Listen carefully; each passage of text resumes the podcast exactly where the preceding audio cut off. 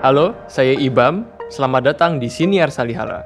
Ngomong-ngomong soal polemik kebudayaan, Barat kena, Timur kena.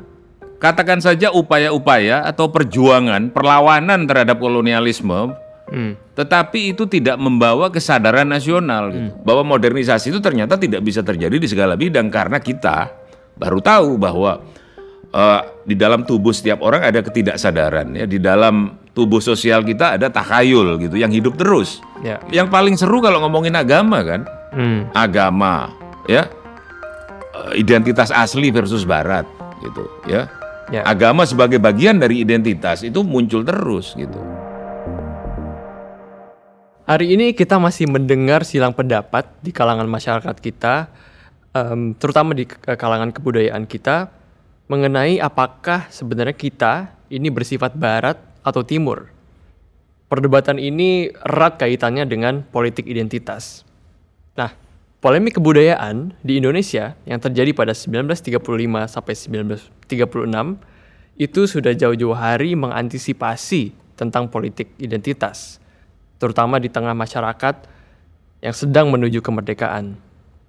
Bahkan sebenarnya tegangan pemikiran tentang Indonesia atau keindonesiaan itu sudah terjadi di zaman eh, Marco Kartodikromo dan juga Semaun di tahun 1920-an melalui karya-karya mereka. Nah, pertanyaannya adalah apakah eh, atau masih pentingkah kita membayangkan Indonesia ini untuk melihat ke barat atau ke timur? Apakah barat dan timur ini masih relevan?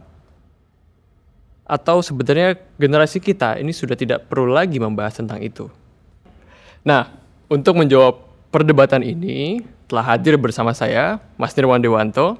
Halo Ibam, apa kabar? Baik Mas, terima kasih. Mas Nirwan ini merupakan seorang sastrawan yang kali ini akan menemani kita ngomong-ngomong soal polemik kebudayaan Barat kena, Timur kena. Ah, mas, sebelum kita eh, menyoal tentang Barat dan Timur ini, eh, saya mau mengajak teman-teman di sini untuk eh, kembali melihat eh, polemik kebudayaan yang terjadi di 35 dan 36 itu. Eh, terutama em, membahas soal itu tadi ya, apa Barat dan Timur gitu. Saya menduga bahwa sebenarnya eh, polemik ini tidak menyoal dikotomi tersebut gitu, eh, tapi polemik ini sebenarnya adalah suatu agenda dari para dari para eksponennya gitu untuk memajukan kebudaya kebudayaan dan memajukan masyarakat. Ini jadi sebenarnya adalah eh, upaya modernisasi sosial gitu ketimbang hanya dikotomi tersebut.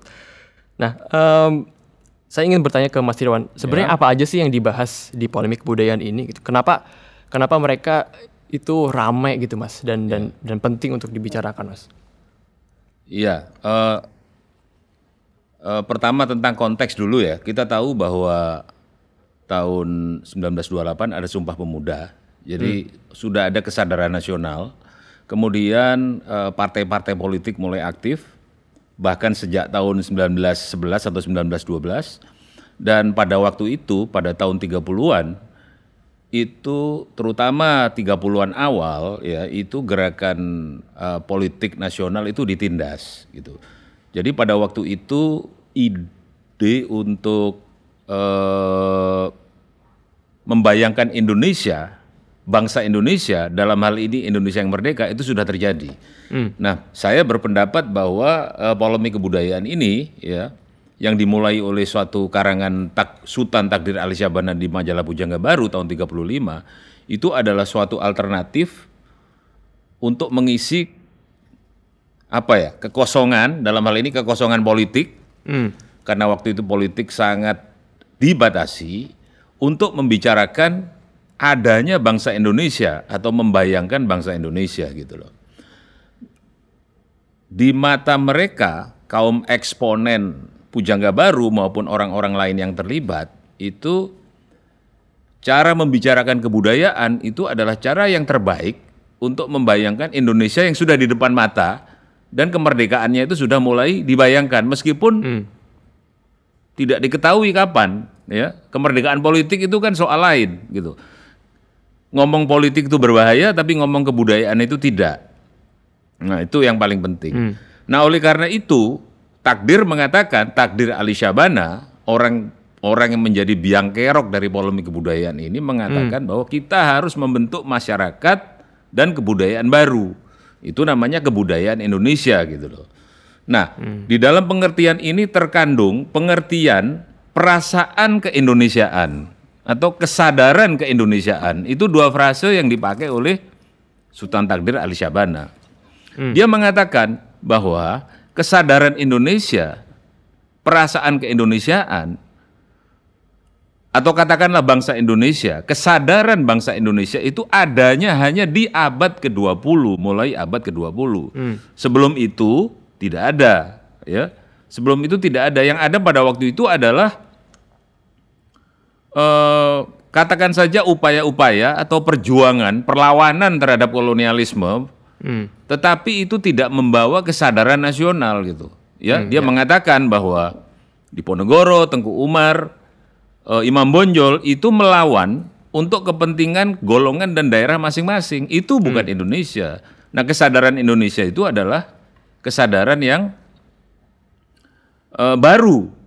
Kesadaran dari berjuta-juta orang yang hidup di kepulauan Nusantara ini untuk membentuk suatu bangsa baru. Hmm. Itu. Saya kira itu dan ke- dia mengatakan zaman sebelum itu adalah zaman pra Indonesia, ya. Zaman pra Indonesia, zaman pra Indonesia itu tadi itu yang diisi oleh kedaerahan, oleh eh, baik upaya-upaya perjuangan maupun eh, apa namanya artefak-artefak yang dibuat. Borobudur misalnya menurut takdir Borobudur itu tidak tidak dibuat di dalam kesadaran keindonesiaan itu gitu loh. Ya dia ada di masa lampau. Nah oleh karena itu kalau kita mau membangun kebudayaan Indonesia dan masyarakat Indonesia yang baru maka ya kita harus bertolak dari kesadaran kebangsaan itu ya dan bagaimana kita mengembangkan itu. Nah oleh karena itu ya ini sesuatu yang baru dan dasar-dasarnya adalah individualisme materialisme intelektualisme dan egoisme. Sesuatu yang akan membuat sekumpulan orang yang punya kesadaran nasional itu bisa hidup mengejar kesetaraan di antara bangsa-bangsa lain. Kira-kira begitu. Takdir mengatakan. Ya, nah tadi Mas Mas bilang bahwa eh, si takdir ini adalah biang kerok dari polemik kebudayaan. Ya, begitu. betul. Eh, nah, eh, kita ini bisa mulai baca dari mana, Mas? Ya. Eh, katakanlah tulisan-tulisannya gitu. Dan sebenarnya siapa lagi sih Mas eksponen eksponen eksponen lain gitu? Ya. Eh, jadi eh, Sultan Takdir Ali Syabana dan teman-temannya antara lain Anus Sanusi Pane, Hmm, ada Pane. Hmm. ya Sanusi Pane ya, itu membentuk suatu eh, majalah yang sampai sekarang dianggap sangat penting yaitu majalah Pujangga Baru. Kira-kira majalah Pujangga Baru itu adalah majalah untuk memperjuangkan eh, cita-cita keindonesiaan itu baik di dalam sastra maupun di dalam segi-segi kebudayaan yang lain. Ya, jadi karangan takdir itu munculnya di majalah Pujangga Baru. Eh, kemudian eh, Gaung bersambut, ya eh, Sanusi Pane menulis, ya, tapi juga kemudian di media-media lain, media-media lain itu misalnya eh, Suara Umum, Hmm. kemudian Pewarta Deli, ya, Bintang Timur, kemudian juga di majalah yang didirikan dan dikelola oleh Ki Hajar Dewantara, misalnya Pusara, ya. Ya, ya, ya. Jadi sebenarnya medan percakapannya cukup luas, ya, karena kita tahu pada waktu itu kan eh, majalah atau media, majalah Pujangga Baru itu majalah sastra ya, majalah budaya, tapi di luar itu adalah koran-koran atau majalah-majalah yang dibaca oleh eh, pembaca umum, jadi medannya cukup luas. Nah, siapa saja yang terlibat? Eh, dari eksponen Pujangga Baru terlibat eh, Takdir dan Takdir Ali Syabana dan Sanusi Pani. Ya. Kemudian di luar itu, itu kita mengenal nama-nama seperti eh, Dr. Sutomo, ya, eh, Ki Hajar Dewantara, eh, Cindar Bumi, Adi Negoro, dan Dr. Amir, ya, Dr. Amir, ya.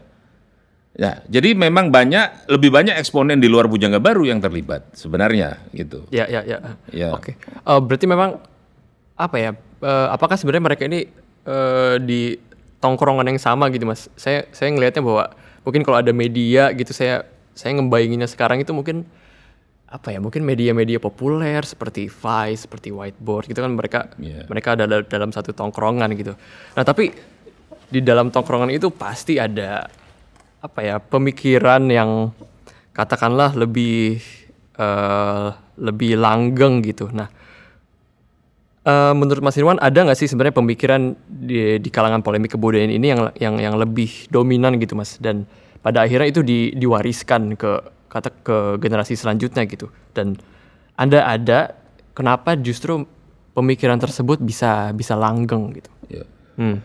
Sebenarnya bukan langgeng dalam pengertian bahwa intensitas dan isinya sama ya. Hmm. Kalau kita melihat masyarakat kita sekarang, maka perdebatan antara pribumi asing ya, Hmm. dengan kata lain barat dan timur, eh, asli dan tidak asli itu kan berlangsung terus gitu loh. Itu memang politik identitas eh, masyarakat kita dan masyarakat-masyarakat pasca kolonial itu begitu gitu. Begitu menghadapi dunia luas, begitu berhadapan dengan masyarakat-masyarakat lain, bangsa-bangsa lain itu muncul gitu loh. Perasaan nilai orientasi nilai tertentu, kemudian identitas tertentu itu muncul dan itu terjadi dari masa ke masa ya. Nah, kalau kita kembali apa apa yang diulang, hampir semuanya diulang gitu. Eh, sebenarnya perdebatan polemik kebudayaan itu tidak hanya menyangkut orientasi nilai ya. Tadi takdir mengatakan kan individualisme, eh, egoisme, materialisme dan intelektualisme gitu. Dan nilai-nilai itu tidak terdapat bukan nilai yang terdapat asli atau indigenous di timur atau di bumi Nusantara gitu loh. Kemajuan itu identik dengan itu. Ya mau nggak mau, lalu itu datang dari mana? Itu datang dari Barat. Nah, problemnya adalah lawan-lawannya itu menganggap takdir, loh, intinya adalah bagaimana mengembangkan perasaan kebangsaan secara realistis, secara praktis dan secara eh, berketetapan ya, punya target ya, gitu loh. ya. Oleh karena itu lawan-lawannya itu sebenarnya selain Sanusi Pani itu sebenarnya banyak yang eh, para edukator, para pendidik, ya, para pendidik, Dr. Sutomo, Ki Hajar Dewantoro, kemudian ya eh, mereka yang dari Kongres Perguruan di Solo pada tahun 35 itu mereka mengatakan bahwa masalah untuk menjadi bangsa itu adalah masalah pendidikan. Nah, kalau menghadapi pendidikan, maka kita harus bekerja dengan sumber daya yang ada. Dan oleh karena itu eh, mereka harus memungut apa yang ada di sekitarnya. Dan sebenarnya tidak dengan sendirinya mereka itu eh, melawan barat dan memilih timur gitu. Masalahnya adalah memilih eh, orientasi yang tepat dan kemudian langkah-langkah yang tepat, alat-alat yang tepat. Misalnya guru. Dr. Sutomo mengatakan bahwa loh karena sumber dayanya terbatas maka guru-guru itu ya guru-guru yang tidak harus berbahasa Belanda gitu. Dan kemudian dia membayangkan kalau mau efektif maka pendidikan kita harus mengadopsi eh, misalnya saja model pendidikan pesantren. Maksudnya adalah bagaimana misalnya eh, guru-guru Hmm. ya istilahnya kiai kiai baru Ya, kiai ya, modern kiai. itu tinggal bersama anak didiknya gitu Hmm. dan itu sebenarnya itu bagus untuk pengembangan karakter itu kata dokter Sutomo Hmm, begitu nah men- nah takdir mengatakan loh kalau begitu bagaimana kalau kalau kita percaya kepada model yang begitu bagaimana mungkin anak-anak itu bisa mandiri Hmm. menjadi individu sendiri? Bukankah kalau begitu itu persatuan? Persatuan itu maksudnya jumud itu loh ya. Hmm, ya. Art, orientasi nilainya tetap orang yang dituakan ya. Lalu anak-anak tidak tumbuh sebagai dirinya sendiri gitu. Jadi selalu konfliknya di situ ya. Hmm, nah tetapi juga kita tahu bahwa Ki Hajar Dewantoro juga mirip. Dia meng- mengembangkan eh, pendidikan rasa pendidikan budi pekerti Hmm, ya, gitu loh. ya. nah antara lain caranya adalah melalui kesenian. Hmm. nah kesenian itu apa? Kesenian yang bisa dipungut bisa didaya gunakan dari kesenian setempat. Misalnya menari ya Hmm, ya. menabuh gamelan dan dan memang terbukti bahwa cara pendidikan yang kayak gini itu memang eh, apa namanya eh, menumbuhkan kepekaan rasa dan dari situ sebenarnya timbul konsep pendidikan dan kebudayaan yang terpakai sampai sekarang gitu. Hmm. Nah kalau gitu berarti eh, bukannya justru apa ya praktik kayak Ki Hajar Dewantara itu lebih justru lebih langgeng gitu mas ketimbang saya nggak tahu ya, saya tidak bisa membayangkan em, apa ya sisi pragmatis dari seorang takdir takdir Ali Syabana dalam em, katakanlah ya modernisasi, modernisasi itu gitu dan dan eh, terutama di bidang kesenian ya mas ya kayak nah itu eh, kalau Ki Hajar Dewantara tadi sudah sudah jelas gitu pragmatis gitu mungkin karena dia juga seorang seorang eh, edukator tapi gimana dengan takdir mas? Apa pandangan eh, dia soal itu ya tadi kesenian tadi itu? Sebenarnya pandangan takdir itu adalah mod- modernisasi sosial dalam pengertian yang luas dan dalam ya. Eh, Modernisasi sosial itu apa? Kira-kira kan kita bisa membayangkan bahwa modernisasi sosial itu adalah seluruh aspek atau seluruh segi kehidupan masyarakat itu disentuh oleh prinsip-prinsip keilmuan, ilmiah gitu loh. Sehingga masyarakat itu tumbuh. Bukan hanya tumbuh eh, sebagai kelompok dan kelompok itu pun bukan hanya kelompok tetapi kumpulan individu, tapi juga tumbuh ekonominya. Makanya dia mengatakan materialisme gitu loh.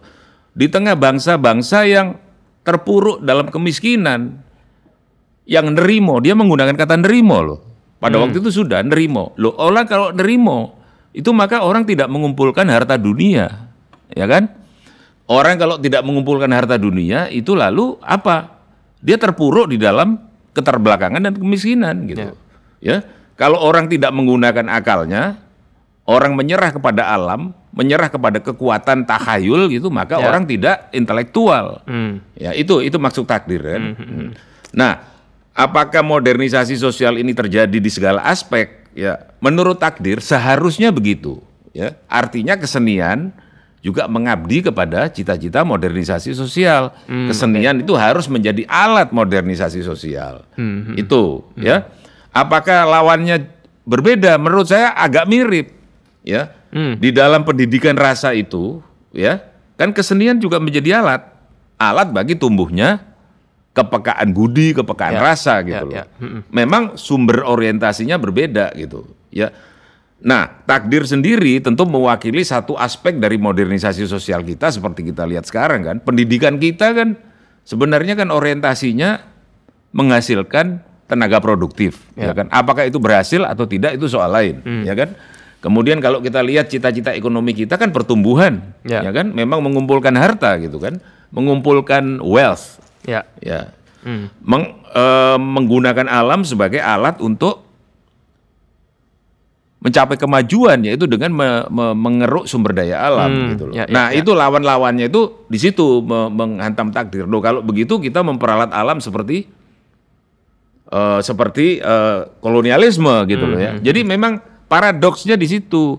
Jadi pada waktu kita masih terjajah tahun 30-an itu, ketika mengatakan kita harus berorientasi ke barat, itu kan kesannya bisa seperti loh.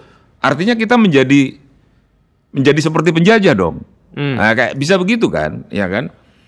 Bukan itu yang dimasukkan takdir sebenarnya. Kita menjadi ya manusia produktif, manusia yang cerdas, manusia yang punya kepentingan diri sendiri, ya, supaya bisa berkompetisi. Itu maksudnya takdir gitu.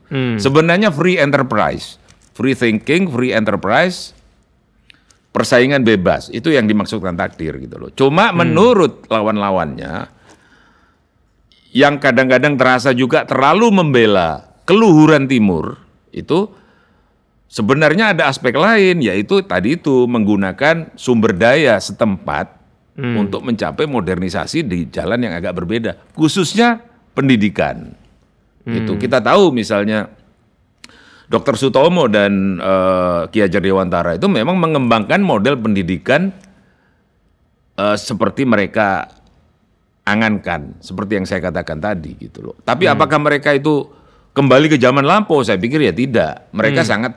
Jadi ini untuk menjawab sebenarnya. Karena waktu itu untuk masuk sekolah-sekolah Belanda itu kan memang nggak bisa semua orang, hanya anak-anak pegawai negeri, anak amternar, anak priayi gitu loh. Nah pertanyaannya yang lain bagaimana gitu? Anak-anak yang nggak punya uang itu bagaimana?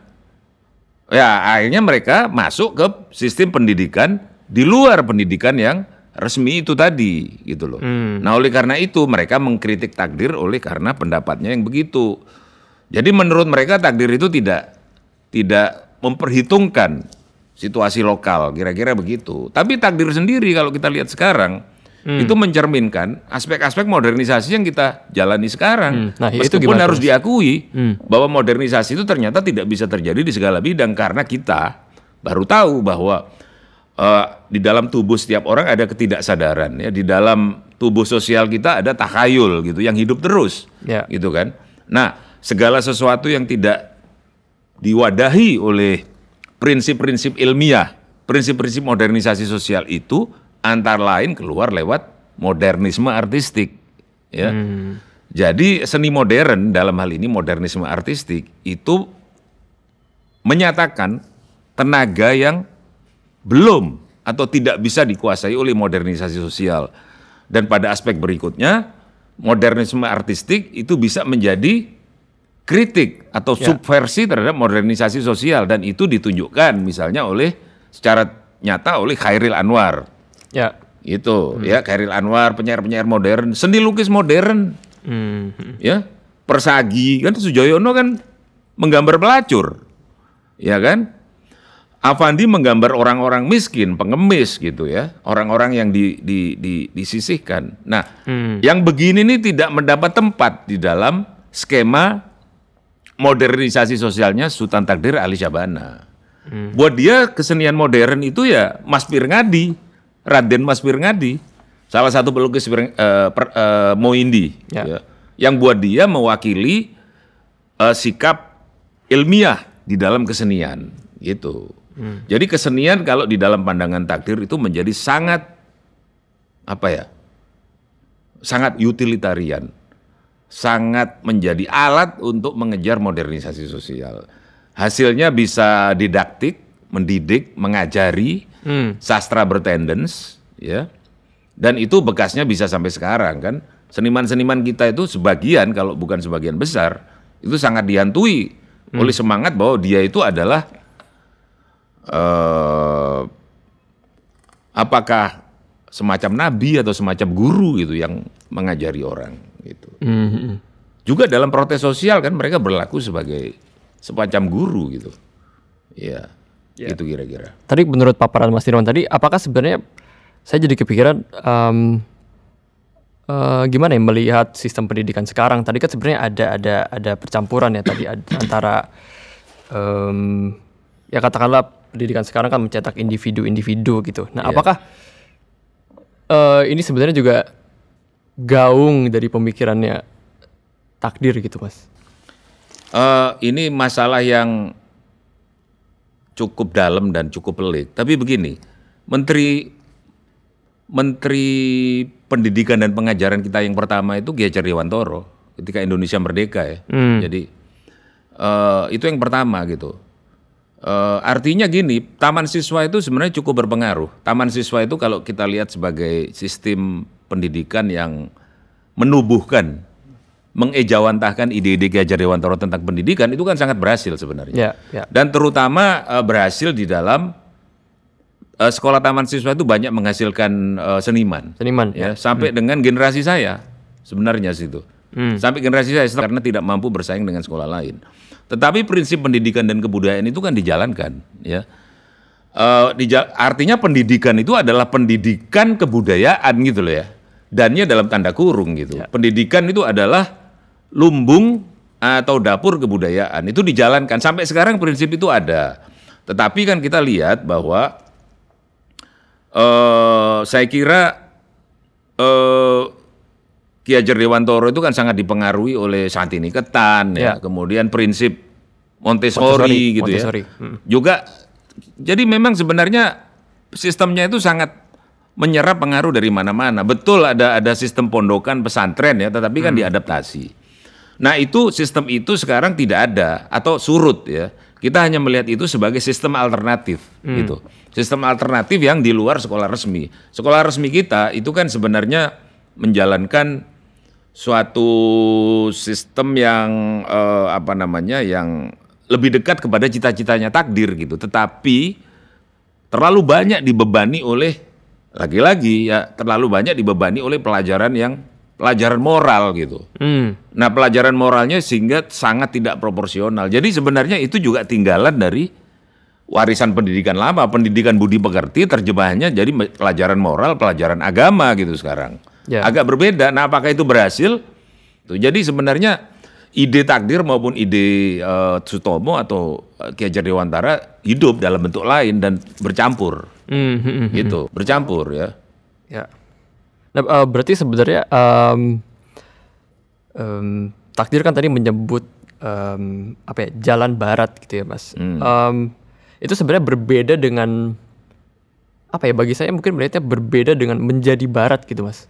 Sebenarnya gini, polemik ini kita lihat sekarang hari ini itu relevan dalam pengertian bahwa kita belajar sesuatu dari sana. Ya. ya. Itu ya. Misalnya gini, eh kebudayaan, ya kebudayaan itu apa? Kebudayaan itu selalu ada urusannya dengan nilai-nilai dan eh, apa namanya identitas, gitu ya.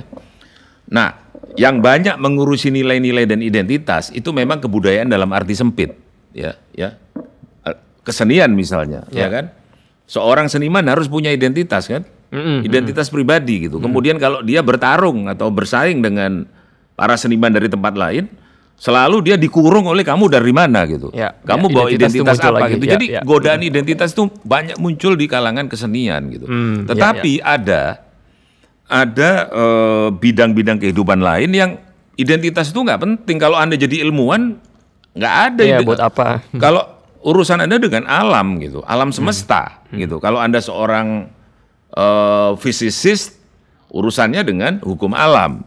Kalau anda seorang biologist, biologiwan, anda berurusan dengan teori evolusi kan itu nggak ada identitasnya. Identitasnya bukan identitas budaya gitu. Mungkin yang irisannya itu adalah ilmu-ilmu sosial gitu, di mana ilmu sosial masih mengur berperihal tentang nilai-nilai gitu. Nah, tetapi seperti dikatakan takdir, loh kalau kita itu mempelajari candi-candi, Hmm. ilmunya itu sendiri itu ilmu yang nggak tidak terikat kepada sistem budaya yang melahirkan candi itu. Itu yang Ya, dikatakan takdir gitu loh. Nah, ada dua soal gitu. Kita tetap harus berilmu ya, tetapi kita tidak terikat kepada objek penelitian kita. Jadi memang ada dua soal gitu ya. Itu ilmu-ilmu sosial begitu ya. Takdir itu memang mutlak, dia modernis sosial dalam arti kata yang sebenarnya. Gitu. Nah, apakah sistem kehidupan kita bisa menjalankan itu? Tentu saja tidak, gitu. Ya kan? Buktinya agama masih berkuasa. Hmm. Ya, ya. ya kan? Agama, agama itu kan sistem nilai, sistem yang nggak bisa diuji dengan apa namanya, dengan satu prinsip rasionalitas gitu misalnya. Ya, ya. ya. Bahkan di negara-negara maju pun agama di Amerika itu agama sangat berkuasa. Di Indonesia apalagi. Nah, justru di sini pentingnya kita membicarakan polemik kebudayaan gitu, bahwa pertentangan antara nilai yang sana dengan nilai yang sini ya pertentangan untuk memilih orientasi nilai Hmm. itu masih berlaku sampai sekarang bahkan di zaman internet bahkan Ya, ya. di zaman media sosial kalau kita lihat Hmm. banyak pertentangan atau perkelahian di media sosial itu kan pertentangan perihal identitas yang paling seru kalau ngomongin agama kan Hmm. agama ya eh, identitas asli versus barat gitu ya Ya. agama sebagai bagian dari identitas itu muncul terus gitu Hmm. saya kira itu relevannya nah tentu saja kita tidak hidup di zaman ketika polemik kebudayaan tetapi eh, riak-riaknya itu ya pertentangan antara sini dan situ itu masih relevan Hmm. karena apa karena kita sendiri orang yang terbelah gitu Hmm. ya Nah, mungkin bisa kasih contoh kasus gitu Mas kayak. Oh iya dong. Ya misalnya orang modern pergi pergi ke pergi masih pergi ke dukun kok. masih percaya pada pawang hujan misalnya gitu loh, ya. Masih percaya pada pawang hujan, dia hidup di lingkungan yang teknologi ya, Ya. hidup dalam lingkungan algoritma teknologi gitu. Tetapi kan dia masih percaya pada sesuatu yang nggak ada hubungannya dengan itu, misalnya hantu. Hmm, hmm, hmm. Misalnya kehidupan setelah mati, nggak ada hubungannya dengan itu semua, gitu loh. Jadi kita pada dasarnya schizofrenik. Orang modern itu schizofrenik. Oleh karena itu pertentangan yang dibawakan oleh polemik kebudayaan itu hidup dalam diri kita. Ah, Apakah kita sadar atau tidak gitu. Kita tahu ada perubahan iklim sekarang ya. Tapi ki- kita tidak sadar bahwa kita sendiri yang membuat perubahan iklim itu. Misalnya ya dengan membuang sampah sembarangan. Membuang sampah sembarangan itu kan perilaku irasional Ya. Itu. Padahal kita tahu bahwa polusi ada di mana-mana gitu. Contohnya begitu, ya. Kita eh, tidak bisa memilih pemimpin berdasarkan eh, meritokrasi, berdasarkan prestasi dia, tapi berdasarkan identitas dia. Dia akan membawakan kepentingan saya enggak? Hmm. Dia ini pribumi atau enggak? Gitu loh. Itu kan dorongan-dorongan yang hidup terus. Sekarang kita lihat misalnya bahwa di daerah-daerah politik identitas menguat gitu. Ya. Ada SK gubernur yang mengharuskan hari tertentu untuk pakai baju daerah, misalnya. Ya, di sekolah-sekolah negeri, sekolah-sekolah negeri itu kan sekarang jadi sekolah Muslim, politik identitas lagi. Tiap hari Jumat pakai baju koko, dari mana datangnya itu? Generasi saya tidak ada gitu. Itu yang mengatakan bahwa problem identitas itu masih terjadi sampai sekarang. Dan oleh karena itu kita harus berpikir, Hmm. Berpikir gitu bahwa problem nilai-nilai itu hidup terus. Hmm, hmm, hmm. Itu yang membuat kita itu sangat tidak leluasa bergerak di dunia yang luas ini karena kita terkurung oleh politik identitas tanpa kita sadari. Hmm, hmm. Jadi apa Ya. seperti menubuh gitu mas ya. Jadi dia dia, dia sebenarnya tidak eh, katakanlah em, apa ya bisa disebut sebagai barat dan timur tapi menubuh ke dalam apa ya menubuh mungkin secara sistemik tadi di pendidikan ada di em, di mana Kehidupan gitu? pribadi. Iya kehidupan pribadi gitu ya. Iya. Lo iya, pastilah kehidup apalagi sekarang ya ketika eh, kehidupan pribadi dan kehidupan publik itu tidak tidak jelas batasnya. Ba- Ya. Media sosial itu kan nggak itu ruang publik atau ruang pribadi, nggak jelas kan? Nah sehingga sehingga eh, kehidupan pub- baik dalam kehidupan publik maupun kehidupan pribadi itu nafsu kita untuk memelihara identitas tertentu itu namanya fundamentalisme kan? Ya fundamental. Hmm. Ketika kita percaya pada nilai-nilai tertentu itu sebagai sesuatu yang datang dari sononya gitu loh, ya. Kita ini sudah lupa bahwa kita ini menjadi bangsa Indonesia belum lama loh. Hmm. Tapi banyak orang ya, banyak orang tiba-tiba tersinggung kalau tiba-tiba misalnya ya, misalnya apa nih? Misalnya ada eh, tempe itu diproduksi oleh orang lain, batik diproduksi di tempat lain, Ya. tiba-tiba kita tersinggung. gitu. Marah. Iya marah, seakan-akan loh. Jadi ya kan itu problem identitas lagi, Hmm. problem fundamentalisme identitas. Itu maksud saya. Nah, media sosial mem- memperkeruh itu kita tahu bahwa sekarang yang disebut post truth itu loh. Ya ya. Post truth itu kan tidak lain daripada eh, daur ulang identitas untuk kepentingan politik gitu. Hmm. Kayak gitu. Artinya takdir relevan di sini. Kita belum Gimana tuh, ilmiah loh. Hmm. Gitu. Ilmiah itu apa? Ilmiah itu adalah disinterested gitu, ya. Segala sesuatu masih kita lihat berdasarkan kepentingan kita gitu. Tapi di lain pihak, kalau kita bicara lain, maka kita juga harus melihat eh, apa namanya eh, komentator atau lawan-lawan takdir yang sangat pragmatis melihat eh, apa meng- mendayagunakan sumber daya setempat Hmm. justru untuk menjadi maju gitu. Ya, saya kira Sutomo, dok, Dr. Sutomo ya, eh, Ki Hajar Dewantara itu kan anti feodalisme gitu, sangat anti feodalisme. Tapi mereka tahu bahwa untuk menjadi begitu, untuk menjadi efektif dan untuk menjadi berterima, artinya berterima itu gini, eh, sekolah itu mahal, ya supaya sekolah itu tidak mahal maka ya harus gurunya harus berani berkorban. Mereka sangat menonjolkan altruisme Hmm. yang semakin ke sini semakin sulit. Mana ada guru yang mau miskin sekarang? Ya. Enggak ada, Hmm. gitu loh. Menurut mereka, guru itu ya harus berani hidup miskin pada waktu itu dan memang guru-guru taman siswa itu miskin. Hmm. Hmm.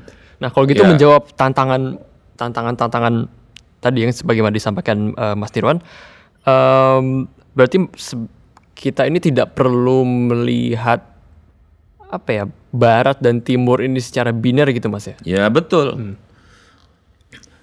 Salah satu problem dari polemik kebudayaan adalah klise kan. Tapi klise Barat Timur itu loh. Ya ya. mm, mm. Nah pada waktu itu kan mereka itu tidak bisa melihat dunia seluas-luasnya ya. Yang dilihat itu barat dan timur. Barat itu tidak jelas apa sebenarnya. Barat itu kan lebih sering diartikan Yunani gitu kan ya, Ya, ya. kebudayaan klasik. Kalau menyebut timur juga kebudayaan klasik gitu loh ya, Hindu, India, Tiongkok, Jepang gitu. Mereka nggak lihat Amerika Latin kan. Mereka, mereka tidak melihat negara-negara lain bahwa untuk menjadi merdeka dan maju itu dua hal gitu. Mhm. Ya, Argentina itu pada waktu itu sudah merdeka lebih dari 100 tahun di tahun eh, apa polemik kebudayaan itu kan nggak nggak dilihat prestasinya. Dan pada waktu itu tahun 30-an misalnya Argentina itu menjadi kekuatan ekonomi dunia karena ekspor daging lembu ke Eropa gitu. Mereka sole eksporter daging lembu ke Eropa. Mereka nggak tahu. Jadi mereka sangat di- dibatasi oleh eh, pengetahuan pada waktu itu ya. Dan kemudian juga orientasi nilainya makanya juga eh, apa namanya eh, terbatas gitu. Ya. Jadi oleh karena itu barat dan timur lagi. Nah mungkin sekarang kita lebih beruntung gitu ya bisa melihat seluruh dunia gitu. Mhm. Nah kalau kita mengatakan eh, mengambil alih eh, surat kepercayaan gelanggang ki- kita atau kami adalah ahli waris kebudayaan dunia, tapi kan nggak mudah gitu. Ya. Karena menjadi terbuka itu sulit, tertutup lebih gampang. Oleh karena itu ya masih relevan. Kalau ada apa-apa gitu, oh ini salah kapitalisme. Dan kapitalisme itu barat Ya, ya, gitu ya, kan. ya, ya. Pasti Bisa ada kayak gitu, gitu, loh, iya. gitu ya. Hmm, Meskipun kita ngomong itu nggak relevan lagi, kalau ada kejadian begitu lagi. Islam versus barat, ya kan? Hmm. Ya kan? Islam versus barat gitu. Seakan-akan Islam itu bukan barat gitu. Padahal datangnya dari barat. Ya ya ya. Dari Saudi Arabia. Mhm. gitu. Misalnya gitu.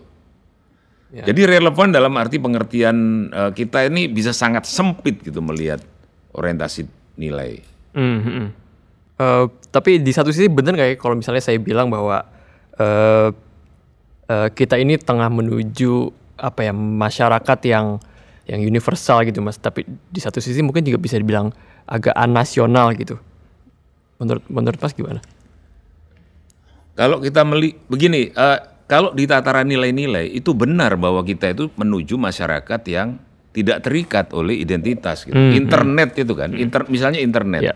media sosial itu kan mempersatukan, ya, mempersatukan setiap orang dan melenyapkan fungsi batas itu loh, Ya, batas lebur, lebur. maupun peng- makelar itu kan nggak ada lagi sekarang. Ya, ya.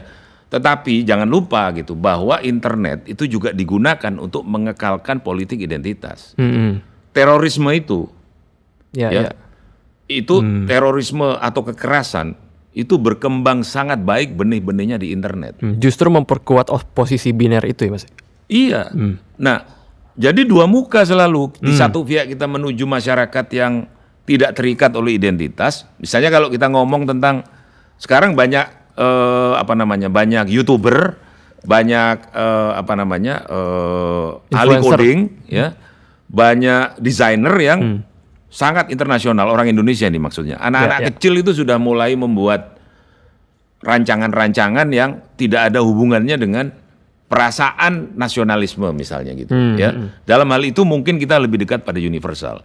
Tetapi di dalam kalau kita kembali ke politik, dalam hal ini politik dalam arti sempit, identitas itu digunakan justru lewat internet banyak sekali. Hmm. Gitu ya. Kalau sekarang ini muncul fundamentalisme baru yang digunakan oleh para pemimpin politik di Amerika, di Brasil, di India Ya, gitu ya, India, ya. di Indonesia juga. Itu kan masalah identitas itu nggak pernah selesai gitu loh. Kita ini tidak menjadi semakin ilmiah, tetapi di lain pihak kita itu makan segala produk ilmiah, ya internet segala macam. Jadi memang kita dua sisi sekarang. Hmm. Ada orang yang sudah mulai membayangkan kota sustainable di Mars, ya, atau di dasar laut gitu. Tetapi di lain pihak kita diancam oleh perubahan iklim, Hmm. perubahan atau bencana iklim. Bencana iklim itu itu menyulut berbagai eh, problem lain, ya, antara lain problem.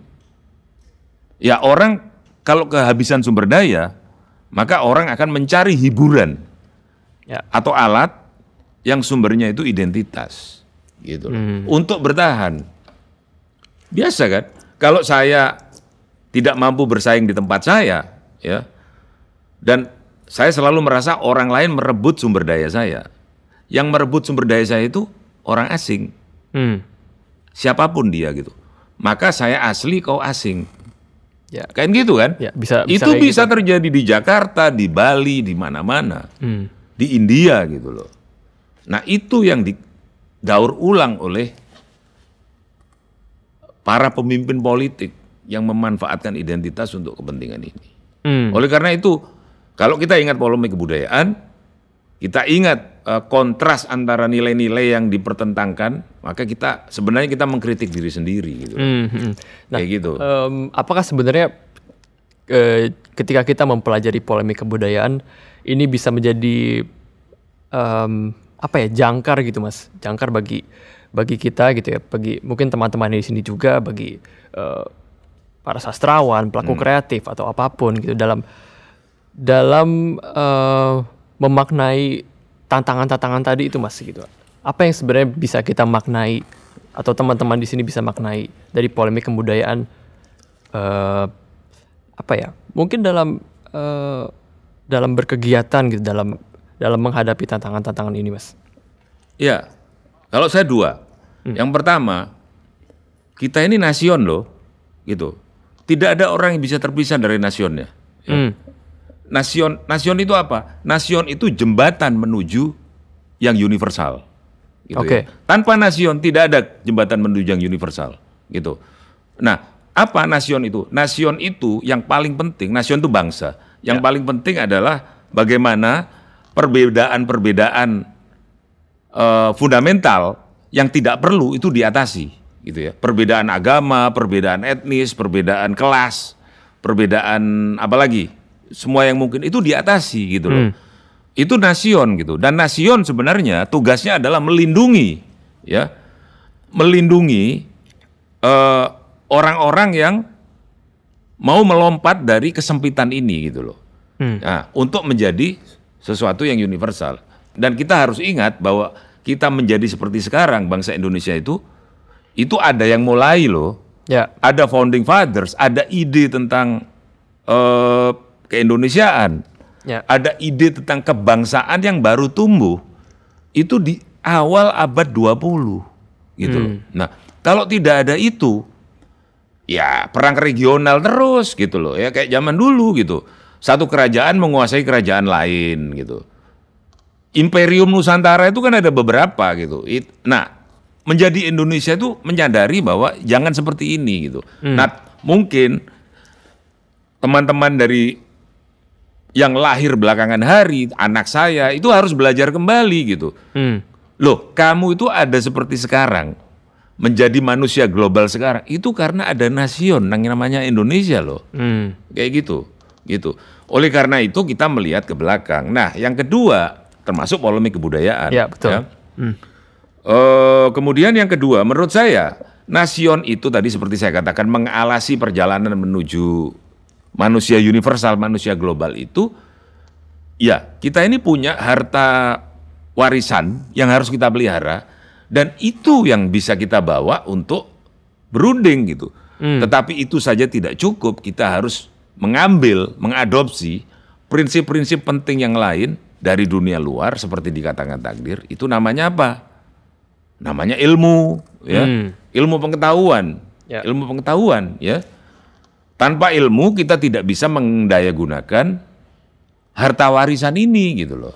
Itu tadi, itu maksud saya gitu. Jadi sebenarnya eh, kekayaan warisan budaya kalau mau dikatakan begitu itu hanya bisa disadari kalau kita bisa melihat masalah ini dalam lingkup universal gitu. Dan oleh karena itu wawasan kita tidak bisa dikerangkeng di dalam sana dan sini gitu dalam dikotomi itu. Hmm. Nah kalau gitu berarti sebenarnya menurut saya pandangan takdir tentang dinas dinamisme tadi tuh masih relevan banget mas ya. Ya, dua-duanya relevan. Takdir meng, begini, takdir itu mengatakan ya secara eksplisit itu bahwa untuk menjadi eh, modern, untuk menjadi bangsa modern bersaing dengan bangsa-bangsa lain, Hmm. itu kita harus mengadopsi ilmu pengetahuan. Ya. Kira-kira gitulah gampangnya ya. Kenapa eh, ilmu pengetahuan itu lahir di Eropa kata dia? Dia ngejek lawan-lawannya, bukan di tepi Sungai Gangga gitu. Iya, karena di tepi Sungai Gangga orang menyerahkan diri kepada alam, kepada dewa-dewa, kepada tahayul gitu kan. Nah, dia ngeritik kan sebenarnya kan. Nah, maka kita harus berilmu gitu. Nah, sedangkan lawan-lawannya mengatakan, oke kalau begitu kita memang harus berilmu, tapi caranya bagaimana? Kalau saya mau berilmu, tetapi saya mau membuat sekolah yang mahal itu nggak mungkin. Ya. Nah, oleh karena itu maka mereka menyelenggarakan pendidikan alternatif. Pada waktu itu pendidikan alternatif terhadap pendidikan kolonial ya HIS itu segala macam itu sekolah-sekolah untuk para priai dan para anak-anak priai dan pegawai negeri. Nah, anak-anak desa gimana? Gitu. Anak-anak yang terbelakang gimana? Itulah yang diperbuat oleh Sutomo, Ki Hajar Dewantoro gitu loh. Mereka membuat pesantren dalam tanda kutip, tetapi bukan pesantren lama, pesantren baru di mana eh, hubungan guru dan murid itu berbeda. Dan sebenarnya itu juga terjadi di sekolah yang bagus kan. Meskipun bukan sistem pesantren, tetapi guru dan murid itu berhubungan bukan cuma sekedar sebagai instruktur dan yang dikasih instruksi gitu, tetapi sebagai partner yang sama-sama belajar gitu. Kayak gitu. Nah, mungkin pendidikan dan kebudayaan artinya begitu. Sekarang ini artinya. Jadi pendidikan budi pekerti itu kan pendidikan karakter sebenarnya. Orang harus tumbuh karakternya gitu bersama dengan kecerdasannya. Nah, kalau enggak jadi pegawai. Jadi manusia yang cuma bisa melakukan per- instruksi gitu. Saya kira itu. Ya, Eh, baik. Jadi em, saya di sini dan mungkin teman-teman di sini juga melihat eh, sebenarnya mungkin polemik kebudayaan ini eh, saling melengkapi ya. Di satu sisi em, kita eh, perlu memahami bahwa dina eh, apa ya? Mungkin upaya untuk menjadi dinamis itu penting ya, terutama dalam eh, jalur menempuh tadi univers, unif- universalitas tadi.